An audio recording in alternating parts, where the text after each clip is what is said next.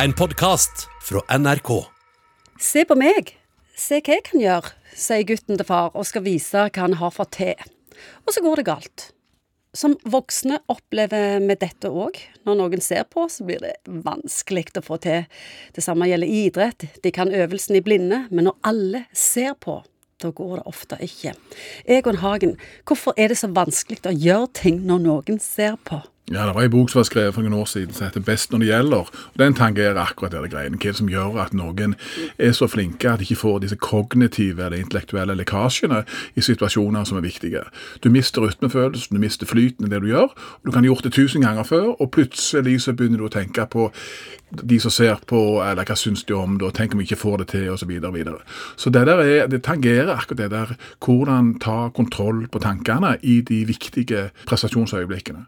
Ja, tar en kontroll på tankene i de øyeblikkene? Det, det, er sånn som mange ting. det, Du må rett og slett trene på det. Og Mange kan bli litt overrasket over det, fordi de tenker at du har fokus på oppgaven, så tenker du at dette kan jeg jo. Og så skal du vise det til noen andre, og så oppdager du plutselig at hekka, nå ble du så opptatt av å få dette så skikkelig til.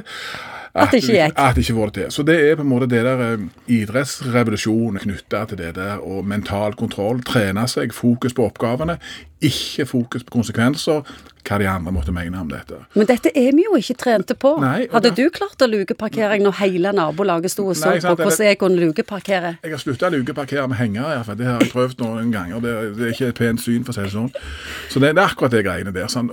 Men jeg tror hvis det er veldig viktig for deg, så klart at da er det bare én ting som gjelder. Det er faktisk å trene og lage et systematisk program hvor du trener deg på å stoppe alle disse tankene som distraherer deg fra det du faktisk skal gjøre, nemlig fokus på oppgavene. Som gjelder mange ting i livet, det å holde kontroll på tankene. For tankene kan styre dagen din, og du kan få en, en skeiv og sur start på dagen fordi at tankene tar deg.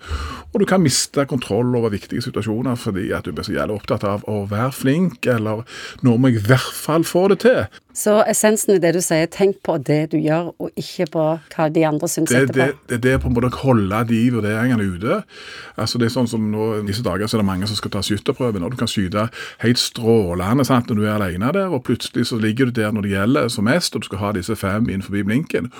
Og plutselig så får du noen rykninger noen skjelvinger og noen avtrekk som ikke ligner grisen. Og det er fordi at det betyr plutselig litt for deg. Sånn er det med mange ting i livet.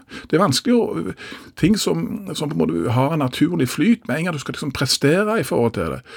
Gå inn i boksen, gjør det du har trent på, helt mekanisk.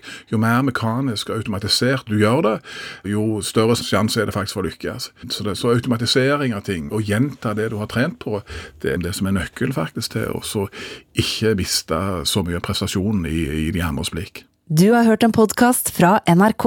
Hør flere podkaster og din NRK-kanal i appen NRK Radio.